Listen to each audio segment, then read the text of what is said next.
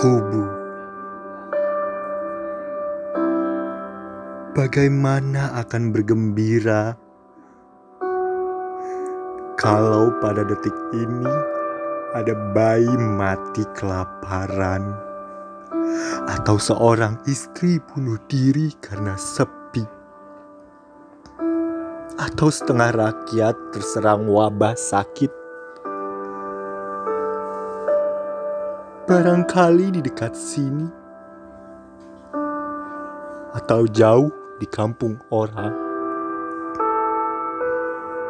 Tak ada alasan untuk bergembira selama masih ada orang menangis di hati atau berteriak serak minta merdeka sebagai manusia yang terhormat dan berpribadi.